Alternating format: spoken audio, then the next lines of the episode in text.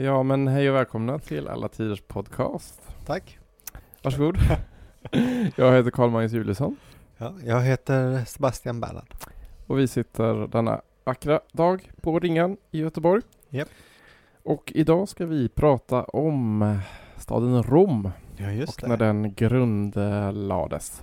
Det här är väl tänkt lite som början på en, eh, ett tema som återkommer. Ja, Tänkte jag i alla fall. mm, det är väl en Alltså, bra idé. Lite romersk historia. Mm. För, för det tycker alla är jättekul. Ja. Alltså, ja, det kommer inte komma, liksom, nästa avsnitt är ju ingen följd på det här. Nej, Men det kommer återkomma senare. Mm. Tänker jag. men vi börjar i början. Vi gången. börjar i början. Ja, Det är inte säkert tror jag att vi kommer alltid att köra helt kronologiskt. Nej. För ibland vill man göra något kul liksom. Men vi ska alltså prata om hur Rom blev till så att säga och det finns ju flera olika historier om eh, hur det kan ha gått till och eh, en av dem som den som kommer att prata mest om är den som handlar då om den trojanske hjälten Aeneas. Just det. Som då kanske inte är den mest kända. Nej, det är det nog inte. Nej, för det är ju då Remus och Romulus. Just det. Men hade du, Du- ett litet intro som du ville? Eh, ja, ja, jag hade en litet uh, försvarstal. Nej, du är nog den enda som säger Remus och Romulus. För det var lite konstigt, jag sökte faktiskt vilken ordning som de brukar skrivas i. För jag ville säga Romulus och Remus, Aha. men då sökte jag och, och på Wikipedia står det Remus och Romulus. Gör det? tror jag. Okej. Ja. Men eh, jag var Alltså jag, det är inte så att jag, jag bara känns som att alla säger Romulus och Remus. Det ligger väl bättre i munnen. Kanske bara jag som gör det. Jag vill också säga um, Romus och Remulus. Jo, det är klart. Men eh, jag försöker hålla tungan i rätt mun Ja, idag. just det. Ja, men jag tänkte att ehm, vi ska berätta Roms historia. Mm. Lite. Och om man vill eh, göra det så vill man ju såklart börja från början. Ja, det är väl en bra ställe att börja på. Men att veta när Roms historia börjar, det är nästan lika svårt som att fastställa när eh, Rom föll. Ja, ja, ja. Vilket för den som har någonsin försökt att lista ut den frågan exakt är nästan omöjligt. Ja, och det finns väl en eh, hel hög med olika bud. Ja, det gör det faktiskt. Det Mm. finns li- lika många bud som det finns forskare som eh, någonsin har försökt att forska på ämnet tror jag. Ja. Vi kommer säkert komma dit någon gång. Ja, det är vi säkert. Det- Det, är också ett bra avsnitt det är eh, när, fantastiskt spännande. när, när föll Rom.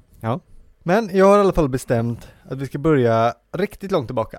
Ja, okej. Eh, i, i, I vad jag har tänkt på i alla fall. Eh, långt före Romulus och Remus. Mhm. Eh, och till och med lite innan Troja, till och med innan, innan Troja föll. Jaså? Och, och Fanns till, ett Rom innan dess? Nej men eh, historien. Ja. Historien kan man Till och med innan Aeneas. Jaha. faktiskt. Eh, för jag tycker det är viktigt att man ska förklara myterna Mm. kring Roms historia. Eh, därför att det är myterna som är grunden i historien. Utan dem finns ingen romersk historia. Nej. Så är det ju. Eh, sanningen är att vi vet ju inte hur staden kan ha grundats ur historisk synvinkel. Nej men det är väl ganska intressant Själva idén om en riktig historia Den tillkommer väl ungefär var 100-200 före Kristus väl? När de börjar bry sig om historien ut, alltså som inte är mytologisk Ja, just För att innan dess var det ju de här myterna Men sen började de väl, var väl typ 100-talet före Kristus som de började tänka Men, sådär, men vilka människor har egentligen funnits och sådär? Ja, precis. Det finns ju eh, olika, det finns ju några gestalter. Tykydides brukar man säga är det första som skrev historia utan att blanda in. Han Mm. skrev ju samtidshistoria. Ja men precis Men den här liksom när man ska gå tillbaka riktigt Precis, det finns ju till exempel, eh, ehm, vad heter han nu, Eumenidos heter han va? Nej, eh, Humeros heter han. Okej Han var ju den som kom på idén att gudarna kanske var historiska människor. Ja. Vilket ju är ett tidigt försök att göra en, en sån här historia. Alltså att man tänker sig, gudarna kan de verkligen ha funnits? Hade man ju tänkt redan innan honom. Men han kom på, men gudarna, tänk om de bara var vanliga människor som gjorde massa grymma grejer. Jaha Eh, men det är i alla fall lite av ett sidospår. Mm. Eh, Roms eh, grundande som man gissar sig till historiskt är ju någon form av bosättningar uppe på några kullar vid Tiben som antagligen slog sig samman kring det som nu är forumområdet. Mm. Men det är ju skittråkigt. Och det dessutom säger det svaret gör oss ingenting. Det säger oss absolut ingenting om romarna Ja, framförallt. det är inte så förvånande att en stad började med att några personer bodde där. Nej, nej, exakt.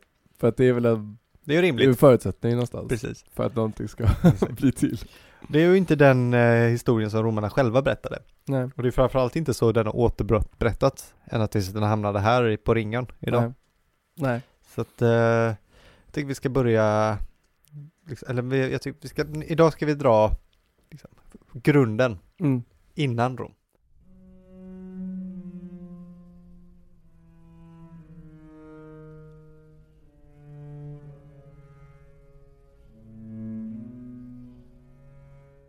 Men ska vi, ska vi börja med den enklaste, mest kända berättelsen om eh, Romulus och Remus? Ja, vi kan ju börja där så kan För vi att i alla fall så har vi betat av bakåt sen. åtminstone det som är eh, närmast vad de flesta känner till. Japp. Och eh, man kanske har sett till och med den här kända statyn då på eh, två barn som diar en varghona som ju är väl symbolen för Rom. Ja, Som finns på eh, Kapitolinmuseet i Rom. Ja. Och, eh, och det är också lite, lite kuriosa innan vi ens har kommit till början, men den här bronsstatyn är ju lite omstridd. Eh, man har ju länge tänkt att det här är det äldsta romerska konstverk som, eh, som vi har. ja, Men vissa har på senare år lagt fram att det skulle kunna vara ett mästerverk från medeltiden. just det, jag har också hört det. Ja, så att eh, man vet faktiskt inte riktigt när den kan, kan vara ifrån. Nej. Men en annan rolig idé med den här statyn det är också att den gavs ju till romerska staten 1471 tillsammans med en eh, brons-Herkules och ett bronshuvud av Konstantin Ja, av eh, påve Sixtus mm. 1471. Alltså samma Sixtus som är ett namn åt Sixtusbron i Rom och Sixtinska kapellet och sådär. ja han var aktiv. Ja, och den här gåvan då till Rom, det är grunden för samlingen på Kapitolinska museet och därmed världens första offentliga museum i modern tid. Ja, just det. Det är coolt att den här statyn är liksom eh, ja men topp fem, det första liksom som har funnits som museum. Ja, det är väldigt coolt faktiskt. Vissa menar att det har funnits någonting som liknade ett museum i Babylon också men ja, så därför säger vi i modern tid då, Just som en liten brask. Exakt. lapp. Men enligt den här berättelsen i alla fall så föddes ju eh, Romulus och Remus av en jungfru och prästinna som Ja, hette Rea Silvia. just det. Hon bodde i en stad som heter Alba Longa. det. Ja, det gjorde hon. Det blev lite strul då för hennes eh, farbror Amulius. Han tog makten då från hennes pappa som hette Numitor. Ja. Och eh, tvingade henne att vara prästinna för att hennes familj inte skulle få fler arvingar då som skulle liksom eh, ha anspråk på tronen. Hon blir med barn i alla fall Ja, och menar då själv att hon har blivit våldtagen av guden Mars. just det. Och eh, tydligen har folk skrivit med eh, mycket stort självförtroende att man ska sätta en stor fallos eller en snopp som kom ur den eld som Rea Silvia då var satt att tillbe och eh, Just sköta om. Just det. Ja. Och var Vestal då alltså? De, de, ja precis, som hade då jungf alltså eh, oskulds, oskuld, vad heter det, oskuldslöften. Löften. Ja, Ja, precis. precis. Man blev väl begravd levande om man bröt mot det. Ja. Ja, det, Den som, eh, den som gjorde det med en också då. Ja, ja visst ja. Båda två jag blev slang, slängda i en grop. Ja. Ja, det är väldigt brutalt. Ehm, men de här barnen föds i alla fall. Och det är två tvillingar. Och eh, hennes farbror då, Amulius, han beordras, beordrar att de kastas i floden Tibern. Men den som nu får på sig uppgiften att göra det här har ju liksom då inte hjärta till det såklart. Utan lägger dem i en korg vid sandkanten. Och så plockas de upp av en varinna. Just det. Och det roliga här är såklart att ordet för varinna, lu- Ja, lupa, just det. är ett namn man använder för prostituerade. ja, Bordell heter ju lupanare på eh, latin. just det. Så en annan tolkning som kanske är lite mer realistisk då är att det är en prostituerad som ammar dem. Ja, precis. Men det ser lite konstigt ut som staty. Det, det gör ju det. Till och med Livius säger ju att det kanske är så. Ja. Och han är ju den stora romerska historieförfattaren. Ja. Så att eh, det, är, det, är liksom, det är inte bara ett perverst trinidas som säger det utan Nej, det, är, det är ett strå, stråk som har gått igenom historien Ja, hela exakt. tiden. Så. Men efter ett tag i alla fall så blir den här Numitor då, han blir kung igen. Tvillingarna återförenas med sin familj och morfar. Men bestämmer sig efter en massa gräl då att lämna Alba Longa och grunda en egen stad. Men de börjar bråka om vilken kulle de ska bygga staden på. Romulus tycker ju Palatinen är ett bra ställe. Det, är det. Den kulle där ju kejsarna sedan skulle bo, bo och som är ett namn åt ordet palats till exempel. Ja. Men Remus, han gillade Aventinen bättre. Konstigt. Remus då, han höll då på att dryga sig och höll på att hoppa över en försvarsanläggning som Romulus höll på att bygga. Just det. Och därför slår Romulus ihjäl honom. Ja. Och staden kallas Rom och grundas det vill säga på ett brutalt brodermord. Så är det. Det finns ju flera där roliga grejer. Han har ju sagt då att eh, när han slog ihjäl sin bror att så, så ska det gå med alla som försöker korsa Roms murar. Som någon sorts eh, profetiskt. Ja. De hade ju bråkat också om hur de skulle bestämma vem, vem som skulle bli kung. Aha, Eller vilken kulle det skulle vara. Mm. Ehm, nu tror jag det var så här va, att eh, Remus han eh, ställde sig på Aventinen Och så såg han sex fåglar flyga förbi. Över. Nu, nu, nu tror jag, jag kommer inte ihåg antalet exakt. Några Men så- fåglar. Han såg några fåglar åka över och så sa han så här, kolla där, för romarna gillade ju att tyda fåglar. Så här, kolla. Auspiker Auspiker, exakt. heter det. Här ska det vara. Remulus, Romulus jag. Han ställde sig på palatinen. Han ser ju 12 fåglar. Jaha. Så då är frågan, är det den som ser först? Eller den som ser mest? Ja, det är en bra fråga. Han löste det genom att slå ihjäl den andra då, så att Ja. behövde inte, de behövde inte komma fram till någon. End of discussion. End of discussion. men, men det finns ju förutom den här och den vi ska prata om, eh, om Aeneas, finns det ju, alltså det finns ju många andra. En rolig historia som jag hittade också var en grekisk, Mm. som då säger att Rom skulle ha grundats av en Romus. Just det, rimligare. Blandning av Remulus och Romus då. Mm. Eller Romulus och Remus menar jag förstås. Och eh, enligt dem då var eh, Romus då, han var barn till Odysseus och Circe. Jaha, För vissa trodde ju att eh, hennes ö låg utanför Italien. just det. Men denna liksom eh, grekiska idé då verkar ju ha haft som funktion då att Rom skulle ha ett grekiskt ursprung. Ja, det, Att det var det som de egentligen ville. det är klart. Ja, men den här historien är inte så många som tror på. Men den finns med i Mary Beards bok eh, SPQ i alla fall Just som det. ett, eh, ett alternativ i alla fall som Ja. inte har slagit igenom lika hårt. Det är inte helt osannolikt heller. Det fanns ju grekiska bosättningar runt Tibern Mm. vid eh, 700-talet kanske. Så Ja, ja. det vem vet. Men ska Ja. vi gå över på Aeneas? Det kan vi göra. Så vi kommer dit går, där vi ska eh, vara. går hela vägen till eh, Homeros faktiskt. Ja, ja. Eller de, de, hom- de, de homeriska hymnerna. Är det första gången han nämns? Nej, eh, nämns han i den? Det gör han väl kanske, men ja. De och Iliaden är väl ungefär samtida. Eller de här är nog till och med lite yngre. Mm. De anses ju inte av någon vara skriven om Homeros. Varken de, någon som tror att det har funnits en Homeros tror jag nog att han har skrivit dem här. Aha, okej. De kallas det därför att de är eh, från eh, ungefär 700-talet före Kristus. Ja, okej. Och att de är skrivna eh, på homerisk meter. Ja, okej. Så det är därför de gör det. Men det är en samling hy hyllningsskrifter skrifter eller sånger till olika gudar. Och en av dem är till Afrodite, Aha. alltså den homeriska hymnen till Afrodite. Och ja, ehm, vad har det med Aeneas att göra? Jo, Det undrar vi. ja precis, men det är ju hans mamma. Ja. För att eh, Aeneas, som många hjältar i antik mytologi, har ju, eh, är ju en halvgud kan man säga. Det är han ju inte riktigt, men han har en gudomlig förälder. Mm. Det lite unika är ju att det är hans mamma. Ja, Oftast är det ju Zeus som har barn ja. Eh, Men det är, han, det är han och Achilles som jag vet som har mammor som är gudinnor. Ah. Achilles mamma är ju havsgudinnan Thetis. Den tycker jag, jag tycker de här är jättebra så de får ni läsa ni som är där ute. De är väldigt roliga.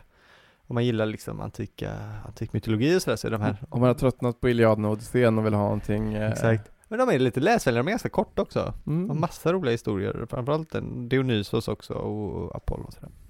Men handlingen är ungefär så här då att Afrodite eh, har, har hamnat i trubbel för att alla gudar är jättesura på henne. Oj då. Eh, hon är ju inte son eller dotter av, son är såklart inte, men hon är ju inte dotter till Zeus heller, vilket kan vara intressant att att verka där. Hon är ju en liten outsider i gudaskaran. Därför hon föds ju när, eh, jag använder mig ganska frikostigt av de romerska namnen nu för att jag tycker de är finare och för att eh, det är ju romersk historia. När Saturnus kastrerar sin pappa Uranus eh, för att ta makten, alltså när eh, Jupiters pappa kastrerar hans farfar, då trillar hans pung ner i havet och då blir det ett stort skum. Och ur det skummet föds eh, Venus eller Afrodite. Mm. Det är väl en bra historia. Jävligt bra. Eh, så hon är liksom inte sådär liten outsider, hon hör inte riktigt med de andra gudarna så kan man säga, för de är ju annars, eh, Men det är fortfarande ett skum från en pung. det är skum från en pung, exakt. Men via via, havet. via havet. De andra är ju också oftast då kommit från Saturnus ju, och är antingen eh, hans syskon eller barn. Mm. Men eh, Afrodite är ju född då ur Uranus, är en, eller Okeanus, en generation tidigare. Ah, ja. I alla fall, alla gudar är sura på henne. Därför att hon går ju runt och gör så att alla är kära hela tiden. Mm. Och man, inte ens gudarna kan ju kontrollera kärleken. Nej. Och de tycker det är jättejobbigt, de vill inte hålla på att bli kära i en massa konstiga typer och till och med människor ibland. Mm. Så de, får lite problem. ja, de vill få hejd på det här. Så då går de alla och klagar hos Zeus och han håller med. Sen, ja det här är inte bra. Så han spelar Afrodite ett spratt. genom att själv förtrolla henne så att hon blir förälskad. Mhm. Och då gör hon för, he- för henne, han gör henne förälskad i en herde som heter Ankises. Som eh, drar runt i trakten kring Troja, ungefär. Eh, och hon blir ju smackförälskad. Mm. Ja. Eh, och så klär hon om, hon förklär sig till en dödlig och ger sig ner och förför honom helt enkelt.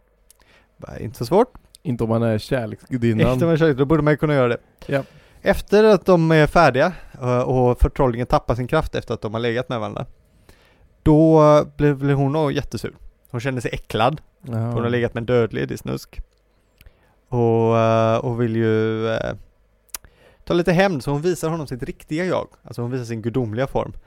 Och då blir Ankises invalid faktiskt. Jaha. Om ni undrar varför Agnès går inte bär sin pappa hela tiden. Blir han det av, av Ja. att se henne? Precis, det är glans, strålglansen är för stark. Jaha. Det är inte så farligt, det finns ju, vad är det, Semele får ju se Jupiter och hon blir ju aska. Ah, okej, shit. Eh, I alla fall, hon... Han ska inte hämnas på uh, herden och inte hämnas på Zeus eller så utan hämnas på... ja. Han har ju inte gjort någonting. Han gick ju bara Nej, runt där det är och... sant, men han är ju på plats. ja, Alltså ligger han där och gottar sig. Det finns olika teorier här. Var han stolt efteråt? Exakt. Ja men så här är det, en, en version säger ju att han ska ha gått och skrytit sen.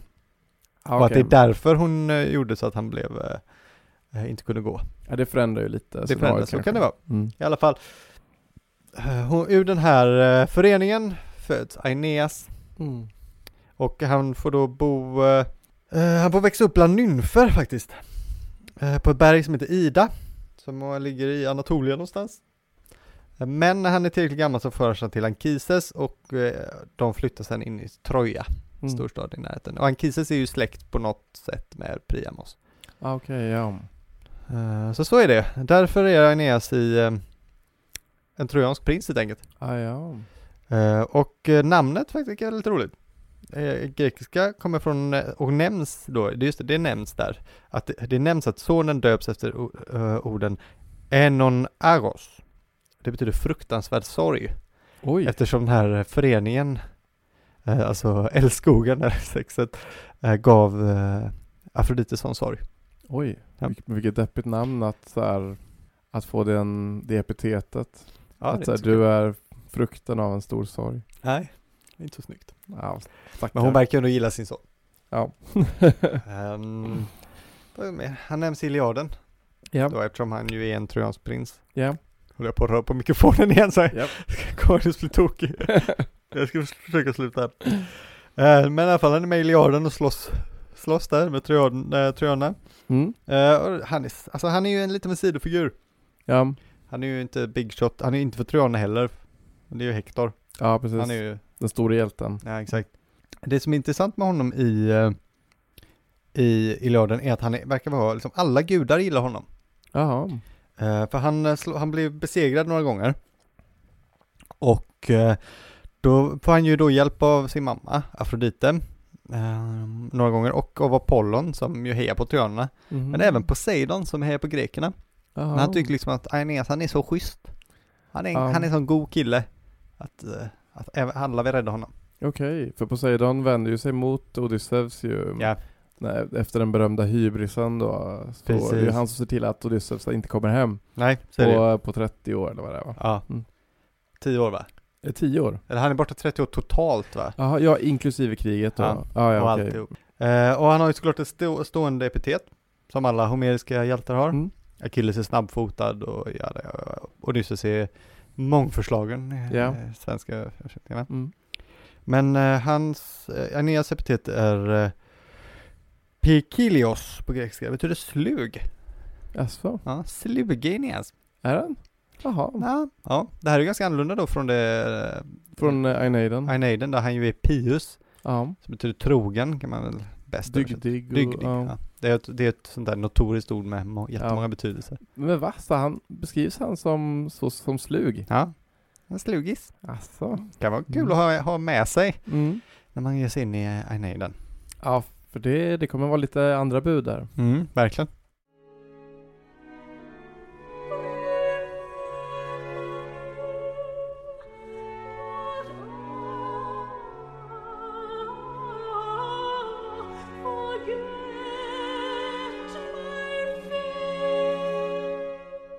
Den mest berömda skildringen av honom är ju Aeneiden då av den romerska poeten Vergilius. Ja. Som ju levde långt senare än de här homeriska hymnerna. Han levde ju ungefär samtidigt som kejsar Augustus då. Just det. Men, eh, men det finns faktiskt referenser till Aeneas ju som grundare till Rom också som är långt tidigare. I alla fall tillbaka till ja, 400-talet före Kristus som menar att han då har grundat Rom. Sen finns det exempel från um, 100-talet före Kristus. Att det sägs att grekiska ambassadörer på ön Delos ska ha påmint romarna om att Aeneas minsann stannat på Delos på väg till Latium. Aha. Och det sägs också att Dionysios av Halikarnassos ska påstått sig ha sett Aeneas grav. Jaha. Ja, men eh, det finns ju då liksom, då har, vi, då har vi lite olika bud där. Vi har ju berättelsen om Romulus och Remus. Jo. Och så har vi Aeneas. Och eh, svårt, att, svårt att sätta sig in kanske hur det kan vara att ha massa olika mytologiska mm, alternativ. Men de har ju försökt att, att koppla samman de här. Jo. Och ett av de buden är ju då att de här tvillingarna ska ha varit söner till Aeneas. Men problemet då är ju tidsspannet. Ja, just det. det är Som det är ju flera hundra år mellan kriget i Troja och eh, grundandet av Rom då som man brukar räkna till 753 före Kristus. Just mer. Den 21 april, så det är snart. Ja, det är snart. Kan man gå inte fira. Verkligen. Det är väl värt att fira. Ja. Och eh, de här Trojakriget, var det 1100-talet före Kristus kanske? Ja. Något sånt. Något sånt. Ja. Det är svårt att belägga exakt. Olivius då som eh, den stora historikern då som levde på 100-talet före Kristus. Han konstruerade historien då att Aeneas aldrig grundade Rom. Nej. Utan en stad som heter Lavinium. Just det. Och att hans son Ascanius sedan grundade Alba Longa. Det vill säga den stad som Remus och Romulus kastades ut ifrån för att grunda Rom då. Just det. Och eh, det finns lite olika anledningar varför man ville ha kvar Aeneas och inte bara köra på Romulus. Och Mary Beard då, Ja, just det. den eh, kanske allra största engelska klassicisten idag. Jo, kanske största av alla. Ja, verkligen. Och har gjort jättemycket fina dokumentärfilmer och skrivit jättemycket bra böcker. Hon, eh, hon menar då att eh, varför man försöker då kombinera de här har att göra med att man- man vill understryka att Rom är till för alla. Jaha. För, Okej. för Romulus, han välkomnade ju alla människor till Rom. Ja. De hade ju väldigt brist på människor. ja, de var ju bara två bröder. Ja, precis. Och den ena slog han ju ihjäl. Ja, men lite alltså, och, och det innebar ju att Rom i början var ju lite som Australien ungefär, alltså befolkat av busar och skurkar som ingen ville ha. Just det. Men eh, vilket ju är till skillnad då från Grekland som ju inte var särskilt välkomnande mot icke-greker så att säga.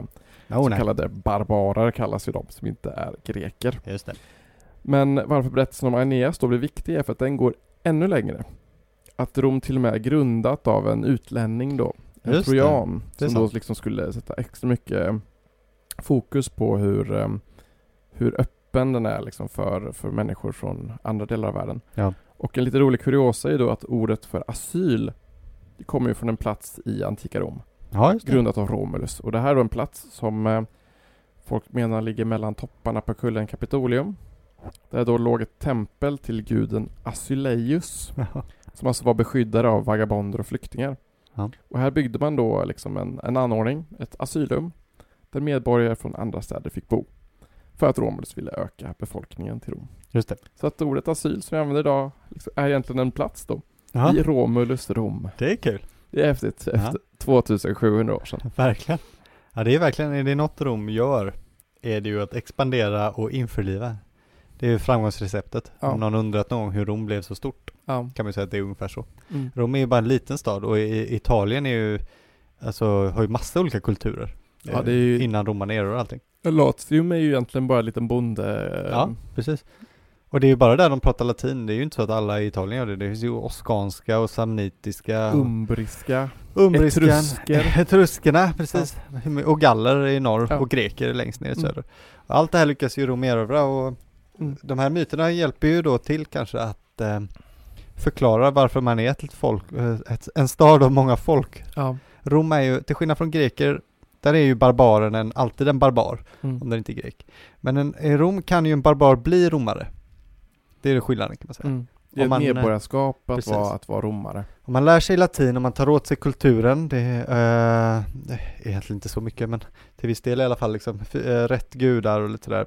Och eh, är medborgare, då är du romare. Då är Mm. du ingen barbar längre. Nej, det finns ju många roliga exempel just med, med gudar också som den här, eh, vad heter de, de här persiska gudarna och sånt Just där. Att när, när de då inte ville byta gudar då gjorde ju romarna de, deras gudar romerska istället. Just det, exakt. Alltså, vad heter? Mithra finns ju någon som Mitras, heter. ja. Mm. Att, ja men eh, vi vill, vi vill fortfarande jobba med honom. Ja men då, då är han en romersk gud nu, så kan ni fortsätta så vanligt. Så då, liksom, då expanderar de bara konceptet av att vara romare istället för att säga nej du måste dig, digga Zeus. Så bara såhär, ja men då är han också romersk. Ja, precis. Så att, Ofta sa man ja men det är Zeus, han har bara andra kläder på sig. ja, precis. Det här funkade ju med nästan alla, alla antikens religioner. Och det är ju ett väldigt, alltså, ja men det var ett framgångsrikt recept så att säga Absolut. för att eh, bli större hela tiden. Jo, precis. Eh, men uh, ska vi prata lite om eh, handlingen i Aeneiden? Ja, det är väl bra. Eh, och jag tyckte för, först kan börja lite med, den är ju, alltså den brukar ju kallas för Roms nationalepos. Mm. Och det kan ju vara, det är ju anakronistiskt på det värsta sätt. Eftersom det kom så sent.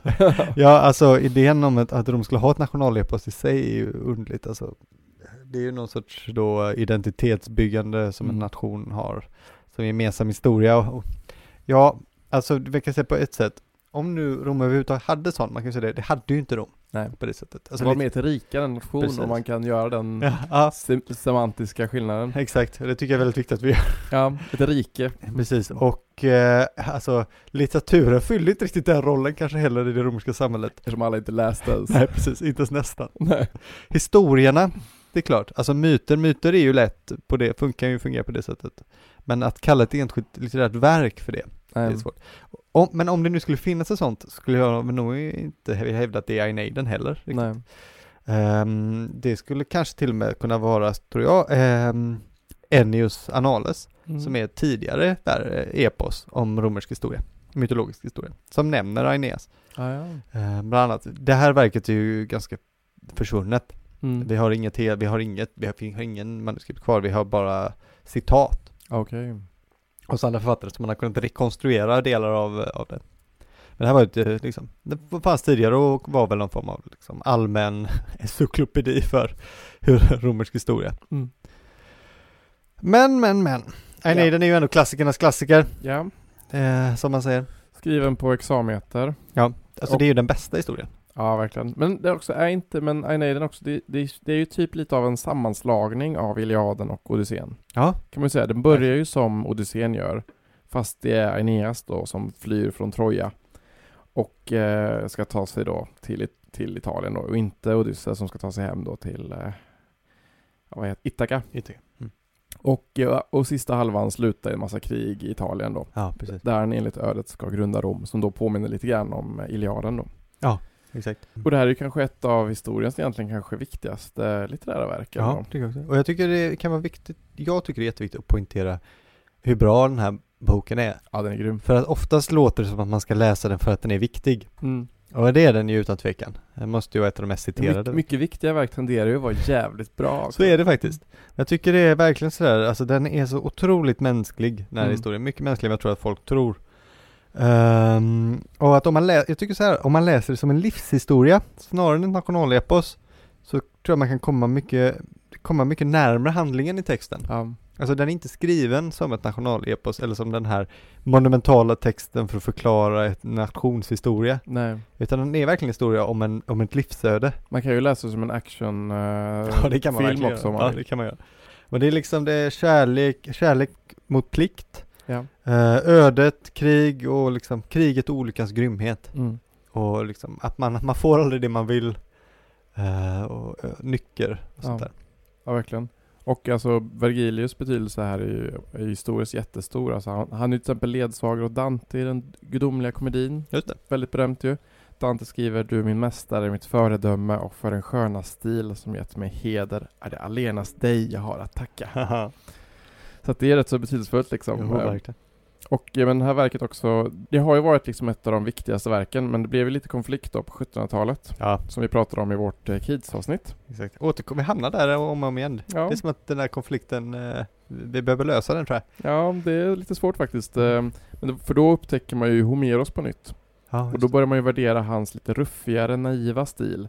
Till skillnad från Vergilius så himla perfekta och vackra stil som han har. Ja. Vergilius är ju känd inte minst för sina otroliga beskrivningar. ja, det är Som ju faktiskt Homeros har ju inte den typen av bildspråk när det kommer till att beskriva saker. Jag har några exempel här som Ja, är himla fina. Typ att ehm, En kolsvart natt ruvar tung över havet. Mm. Under dem står vattnen tigande stilla.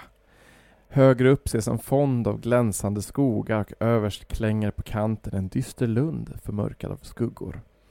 Och eh, på tal om Priamos död så står det På stranden ligger ett lösryckt huvud, en väldig bål, en kropp igenkänd av ingen. Ah.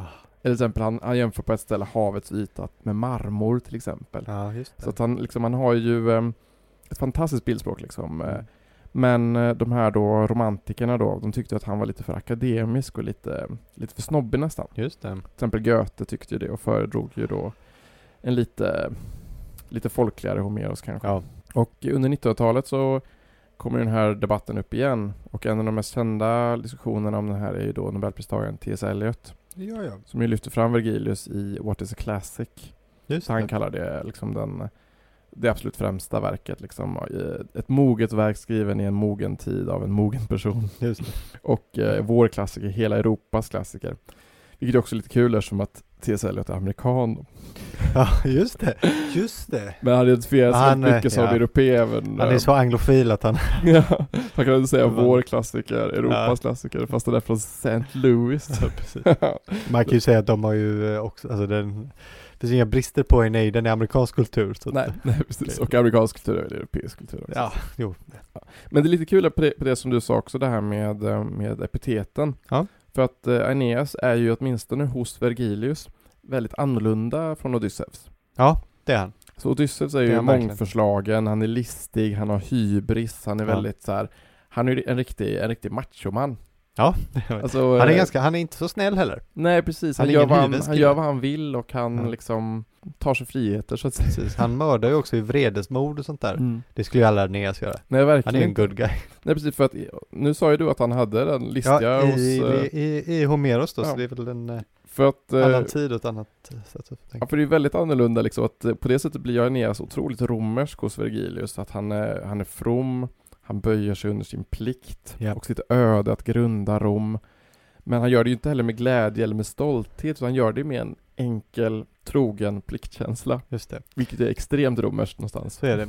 Och man kan ju märka och även i de sista, sista där st- strid, stridsscenerna, de pratas ju inte lika ofta om. Nej. Eh, där märker man att han, eh, han är ju den största och bästa hjälte liksom. Han, alla kommer och ska fightas och han vinner ju alltid och ganska enkelt. Men han är aldrig glad över att behöva döda någon, Nej. riktigt. Han kan vara stolt i segern men han är liksom en, o, han är en ofrivillig det. Ja. Så det här går ju också in i den, romerska självbilden, såg ju sig själva som att de aldrig startade ett krig. Nej, vilket ju är väldigt lattjo. Vilket är väldigt lattjo, det gjorde de ju konstant. Men i deras egen självbild var det inte så. Nej. De startade aldrig ett krig. De hade en massa sådana här, det här är ganska rolig detalj att det är alltså så då fult att till exempel eh, starta krig utan att vara väldigt öppen och ärlig med det. Mm. Men det är ju också sådär, man vill ju också alltså, säga till motståndarna att nu är vi sura, nu blir det krig. Och inte bara marschera in till exempel. Det är alltså lite ohederligt. Det här de, löste... må- de måste hinna bygga upp sin, sitt Ja precis, först. det ska vara ju öppet, öppet liksom. Mm. Skaka hand och säga nu, nu slåss vi om det här. Eh, det är ju inte alltid det bästa kanske. Nej. ur ett taktiskt synpunkt. Eh, Romarnas sätt att lösa det här var ju att mm, de skickade en kille till gränsområdet, kastade ett spjut över till andra gränsen och skrek nu blir det krig. Okej. Det var direkt.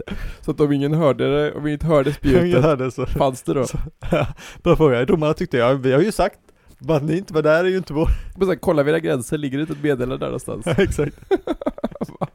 ja. Det, det känns lite som att de eh, fuskar lite med reglerna där. ja, Mm. lite kanske. Ja, det känns som att så här, visst, de är ju, här, de tiden vi befinner oss nu, alltså har ju precis tagit slut i och för sig, men den här rättsstaten, republiken Rom, Ja, den är ju precis gått över med Augustus, men det finns väl någon slags idé om den kvar, och liksom, Absolut. om Cato och de här eh, rättsliga sidorna, men det känns lite som att de fuskar om de gör såna här saker. lite grann. Man vill ju vinna också, det är det som är problemet. Ja, verkligen. För det är också en del av deras, eh, deras eh, självbild är ju att de också alltid vinner. Det gör de också alltid, Ja. nästan. Förutom då Herman the German, Förutom Herman the German. Arminius, den germanen som kickade ass. Det är ett senare avsnitt. Men absolut. Ja, romarna förlorade ju, de förlorade ju många strider, Ja. ja, inte alla krig, men de tenderade alltid att vinna i det långa loppet. Mm. Men jag gillar också att säga Herman the German. Ja, jag älskar det. Jag tycker inte om när de ska kalla dem Herminius. Arm, Arminius. Arminius. Ja. Kallar dem Herman. Herman the German. the German. Jag har faktiskt sökt jobb på en tysk korvaffär i London som hette Herman the German. Är det sant? Ja. Fick inte jobbet. Det är ju fantastiskt. Ja. Herman the German. Och de säljer korv också. Ja. Fantastiskt. Ja, men ska vi prata lite om, det finns ju den kanske mest berömda episoden i Aeneiden. Ja. är ju den sången som handlar om Aeneas och Dido, Just det. drottningen av Kartago. Sång fyra. Ja, som ju handlar om kärleken då. Grymma kärlek till vad förmår du ej driva en dödligs hjärta. Ja. Ska, jag- då kan jag bara dra lite hur, hur man hamnar där i texten. Ja, jättebra. det kan vara kul. tycker jag ska göra. För att eh, det börjar ju då, det börjar ju där texten börjar egentligen i Kartago. I bo, första boken efter en liten prolog. Arma virumque cano och så vidare. Så hamnar vi i Kartago hos Dido där hon mottar eh, trojanerna som är på flykt. Och ber, dem, ber då Aeneas att återberätta vad är det som har hänt. Hon har, de har ju hört om kriget i Troja och sådär. Den här scenen då överensstämmer ju lite med Odysseus och Circe-episoden då. Ja, exakt. I Precis. Ilia- i Odysseen om man har den färskt i minnet. Ja, precis. Och även lite bitar ur eh, Telemachos resor där också, därför han får återberättat för sig ju. eh, Ja, när han besöker Nestor och... mm, Precis, och Menelaos va. Så, och får återberättat eh, historierna om Troja. Eh, men då, och det här gör ju Aeneas motvilligt. För han vill helst inte behöva, typiskt Aeneas, han vill ju inte behöva återvända till det här fruktansvärda, men han gör det ändå för Mm. att vara en god gäst och sådär.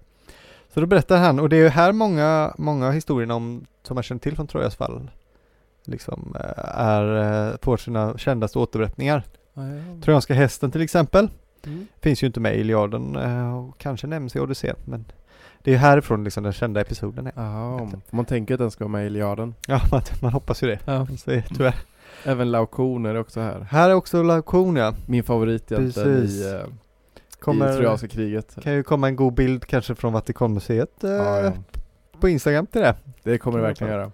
Världens Eh, grymmaste Precis. statyn Ja. också, eller den Ja. statygruppen. Älskar den Ja, den är, det är topp top tre bästa.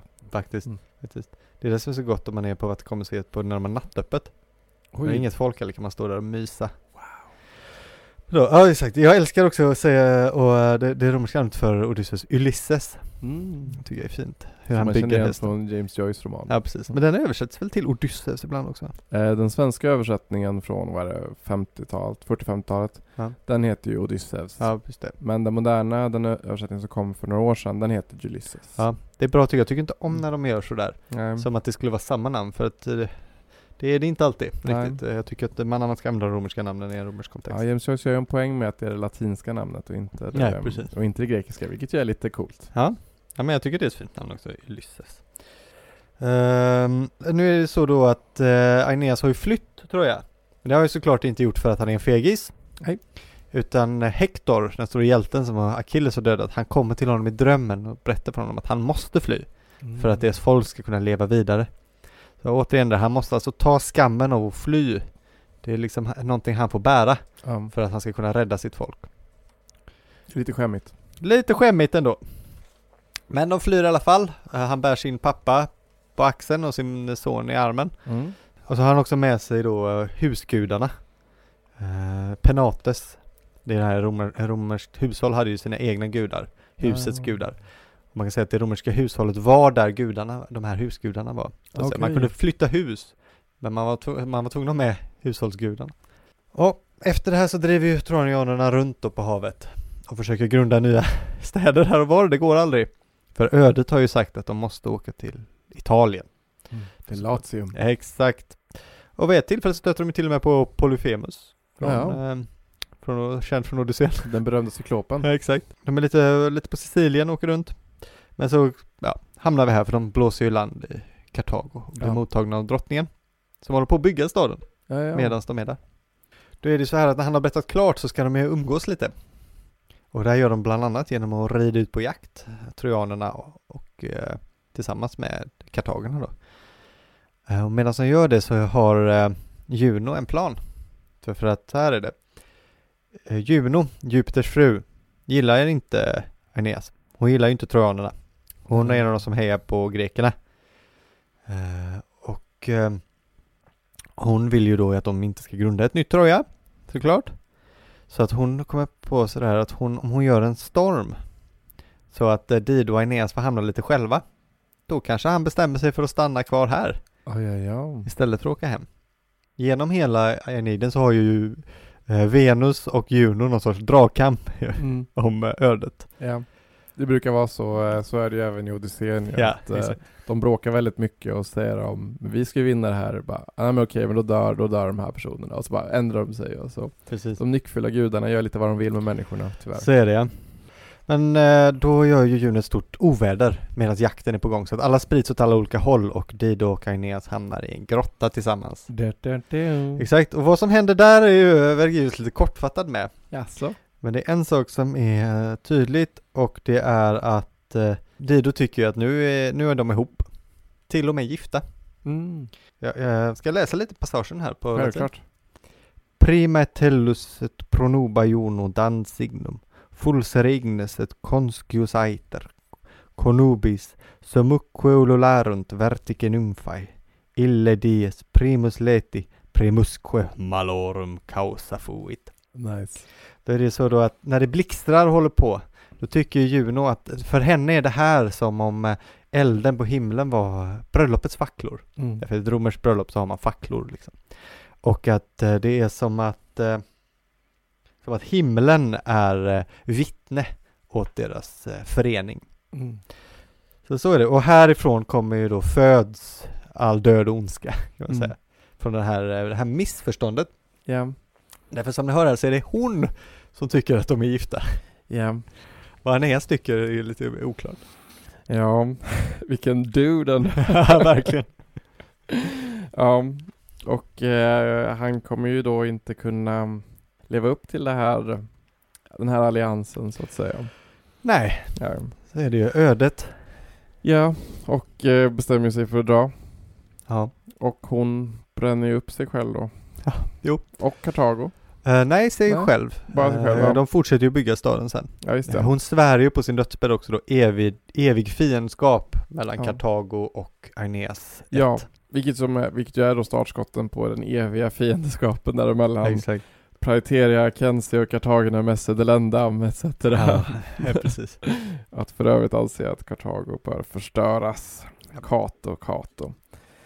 Japp, men därför sen, de möts ju sedan också i dödsriket ju. Det gör de. Precis som Odysseus också gör eh, i eh, Odysseen. Ja. Men och då säger ju Aeneas till Dido att det inte var hans egen vilja. Nej. Utan det är ju plikten. Och att ödet är större än vad vi kan bestämma själva. Just det. Men ehm, hon vägrar ju att titta på honom då. Ja. Och, Ja, det är en stark eh, scen. Ja, många här eh, är ju lite sura på um, Aeneas för att han eh, gör så här så att säga. Men, Ja. eh, men boken är ju faktiskt ganska kritisk mot Dido, som du nämnde. Liksom. Det är den ju verkligen. Det står ju till exempel ett nyckfullt ting är kvinnan och ständigt ombytlig. Ja. Så att, ja, Just det. vad ska man säga om det? Mm. Ja men så är det. Det är verkligen inte så att eh, att man får bilden av att Aeneas har planer på att stanna någon Nej. gång. Nej, precis. En annan intressant grej som eh, Mary Beard då också tar upp är ju att eh, den afrikanska drottningen Dido Ja. som med sin brinnande kärlek försöker hålla kvar Aeneas och hindra honom från att grunda Rim, grunda Rom. Rim. Men det roliga här då, och eh, hon tar livet av sig och eh, efter att hon lämnat. Och att det här då skulle vara en blinkning till Kleopatra. Ja, det kan det ju vara i och för sig. Som ju låter bita sig av en giftorm och Just eh, ta livet av sig. Det är ju såklart. Så kan det vara. Det är ju lite lattjo Mm. för Det att är ju samtida. För det är ju så med, med Aeneiden att ehm, det är ju inte helt lätt idag att veta vad som är liksom den traderade historien och Nej. vad det är som Vergilius själv då ehm, lägger till eller hittar på liksom. Så är det ju.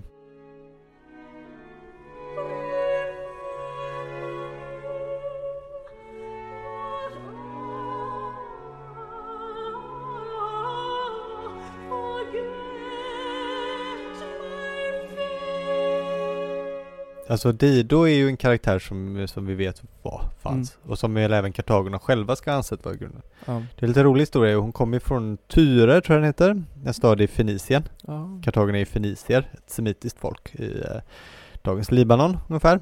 de som grund, feniciska alfabetet. Ja, precis. Grunden till alfabetet. Ja. Och de eh, hade ju massa bosättningar, varav Kartago var en och ser- sedan den största runt hela Medelhavet. Det var ju Medelhavets första riktiga seglarfolk innan grekerna. Mm.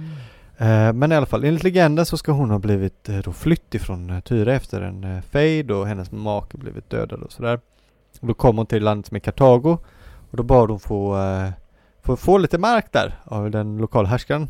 Och då gick de med på det så länge hon tog så mycket som en oxhud kunde täcka. Ah.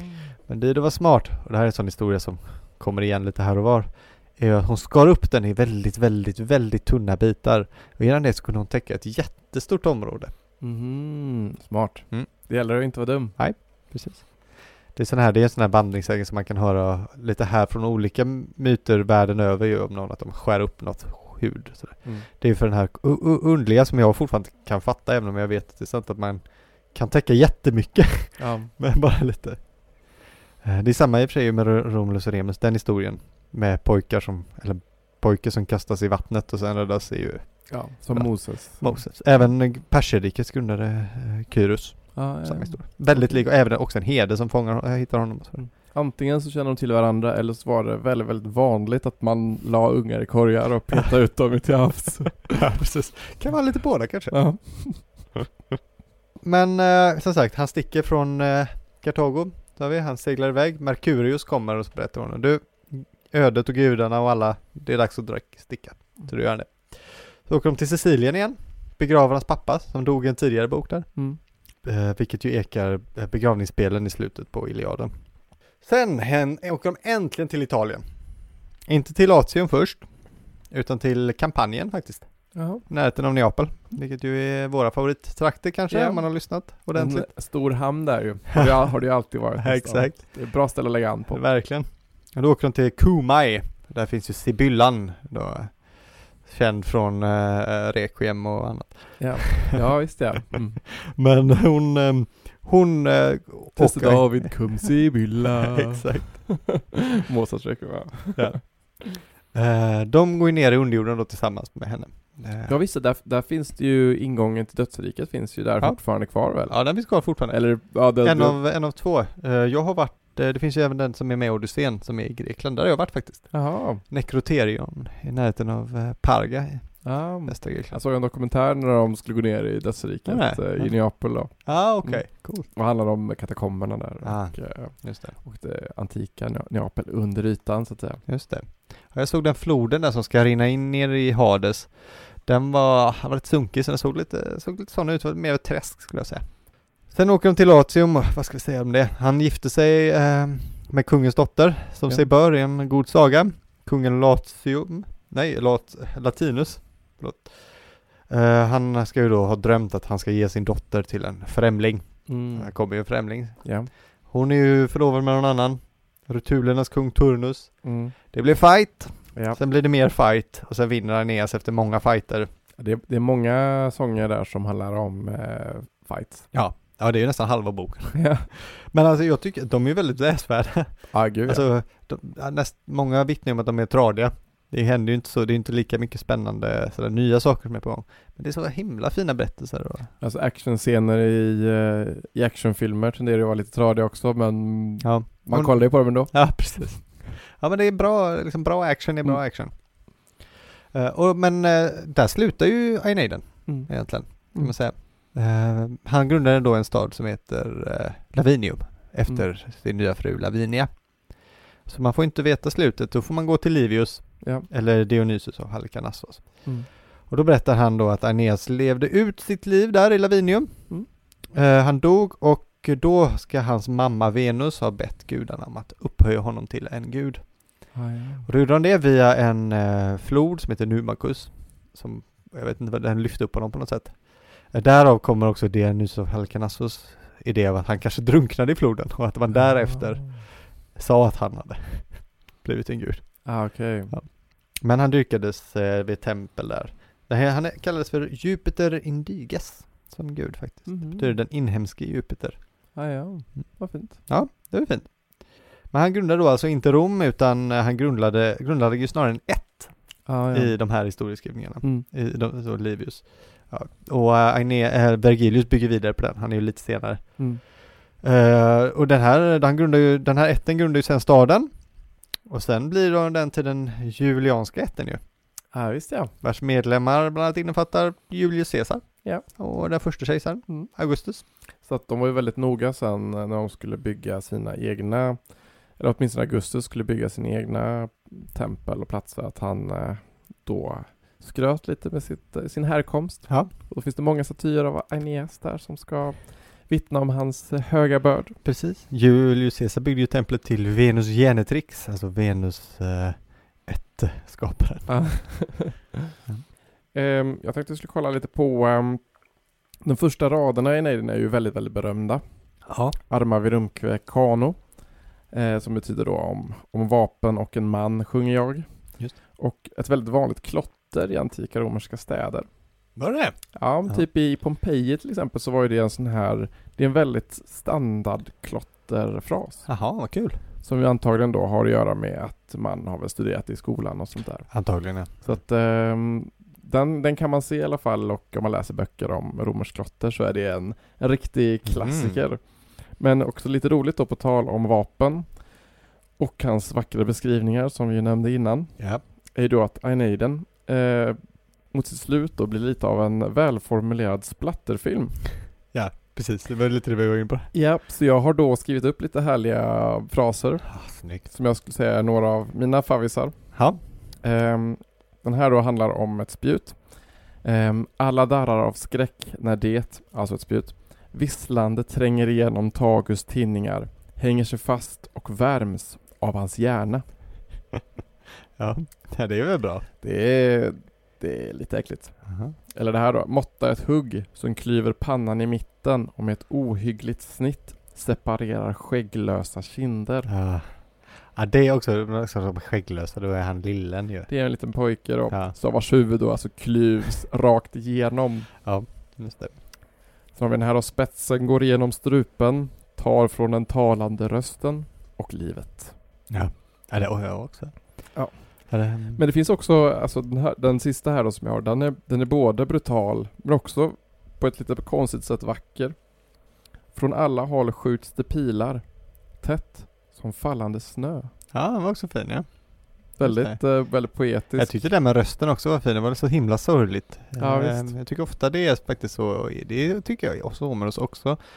Att till skillnad från modern splatter så får man också veta, man får liksom med de känslomässiga konsekvenserna av död på ett annat sätt. ja, Man liksom medveten om att det är en individ som, som dör. ja, en röst som dör eller Ja, exakt.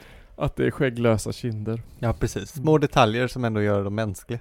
Ja. Det är inga, det är inga, det är inga sådär ansiktslösa drones eller någonting. Nej precis, och de, de hycklar ju egentligen inte med att, hur grymt det är heller. Nej. Utan det är ju, det är ju extremt grymt. Men det har väl någon form av, eh, ja, det finns en, en anledning till att de måste göra det. Till exempel Precis. ödet då eller sådana här saker. Ja. Men det är fortfarande ingenting som gö- görs lättvindigt utan det är fortfarande en hemsk och brutal sak. Ja, ja. Det är lätt att glömma också att det här är samhällen som är så himla mycket brutalare än vad vårat är. Alltså, den främ- en av de främsta underhållningsformerna är ju att gå och se människor försöka döda varandra. Ja. Eh, och jättemånga människor har ju varit med i krig, antingen som soldater eller varit utsatta för krig på något sätt. Ja. Befolkning i Rom är ju slavar som har bidragna på något sätt. Kanske senare Ja, som har förlorat i krig. ju. Ja, precis. Mm. Alltså folk är medvetna om de konsekvenser som våld medför. Ja. Och då eh, kanske det påverkar litteraturen på ett, eh, på ett sätt som den inte gör i ett samhälle där det är något apart. Ja. Nej, precis. Så att eh, deras underhållning av det är ju säkert långt ifrån vår typ av underhållning av det. Ja, exakt. För vi ser det som någonting, ja men lite skoj typ. Ja, precis. Det är skoj, men för det, det är ju blodigt allvar på, på Ja. riktigt. Bokstavligt Ja, talat. exakt. Ja, men då vet vi hur, eh, hur Rom grundades då. Ja, det Ungefär. gör vi väl.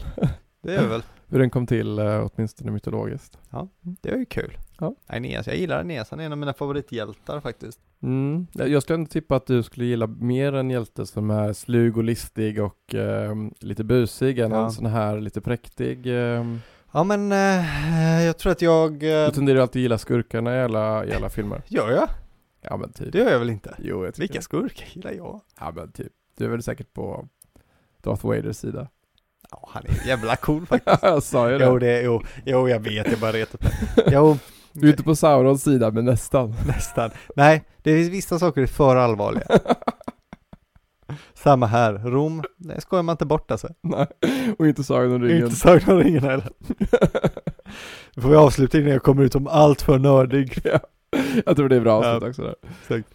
Men, eh. Ska vi gå? Jag är sugen på vin idag. jaså, Ja. jaså. Nu har jag ändå pratat om romare. Ja, faktiskt. Mm. Mm. In vino veritas. Exakt. Se vad vi hittar. Ja. Ha det gött. Schweiz. Ciao.